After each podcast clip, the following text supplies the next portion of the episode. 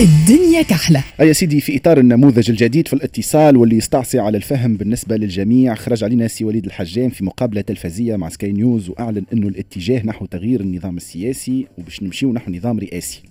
كلام هايل ونجم نناقشوه لكن قبل خلينا نعملوا طلة على مستوى الشكل. توا صحيح هو عصر العولمة والعالم قرية ومش مشكل واحد ياخذ الأخبار من مختلف المصادر. لكن يا أخي كأنه لا يستقيم أن ناخذ معلومات عن وضعنا في تونس من عند مستشار رئيس الجمهورية في قناة أجنبية. معناها لازم تلزونا كل مرة نحكيو على المسألة هذه. يا أخي شبه الوطنية مثلا؟ خايبة.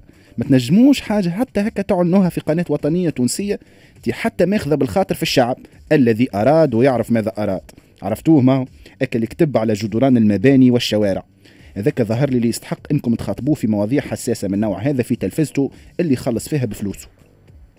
به نجيو توا مسألة تغيير النظام السياسي.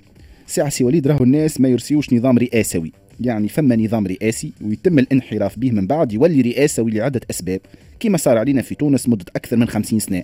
معناها بن علي وبورقيبة قبله كانوا حاطين نظريا نظام رئاسي impeccable لكن من بعد في الممارسة ولا نظام رئاسوي مشوه. وعليه الحكاية عندها علاقة بالفاعلية لا بالقوانين والأقوال. على الأقل فهمنا إلى حد الآن أنه باش يكون فما تغيير نظام واتجاه لنظام رئاسي مع برلمان وصفوا سي الحجام أنه برلمان مش كيما البرلمان السابق. يا سي وليد. يا أخي تشوف في استطلاعات الرأي ولا؟ شوف هذه حاجة متأكدين منها 90% من الشعب التونسي. بما فيهم الشعب الذي أراد وكذا نعملوا انتخابات غدوة. البرلمان باش يكون تقريبا مش بعيد برشا على اللي كنا نشوفوا فيه قبل 25 جويلي. ما على الأقل نثبتوا أمورنا قبل ما نتكلموا باش ما يكونش كلام في الهواء.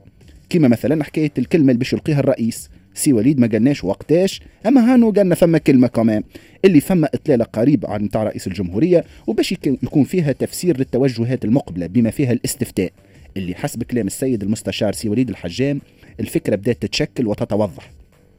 خذوا وقتكم يا جماعة مازال بكري. أما منه هكا احكيوا لنا في تونس وما فيها باس بشوية وضوح. على خاطر هكا لا يزي يلزم نتفرجوا في Sky News باش نعرفوا أخبارنا لا يزي تخليونا حايرين شنو باش يصير في قادم الأيام. برشا علينا التشويق هذا الكل. ستيفن كينج بيدو باش يتأثر بينا ويكتب علينا المرة الجاية.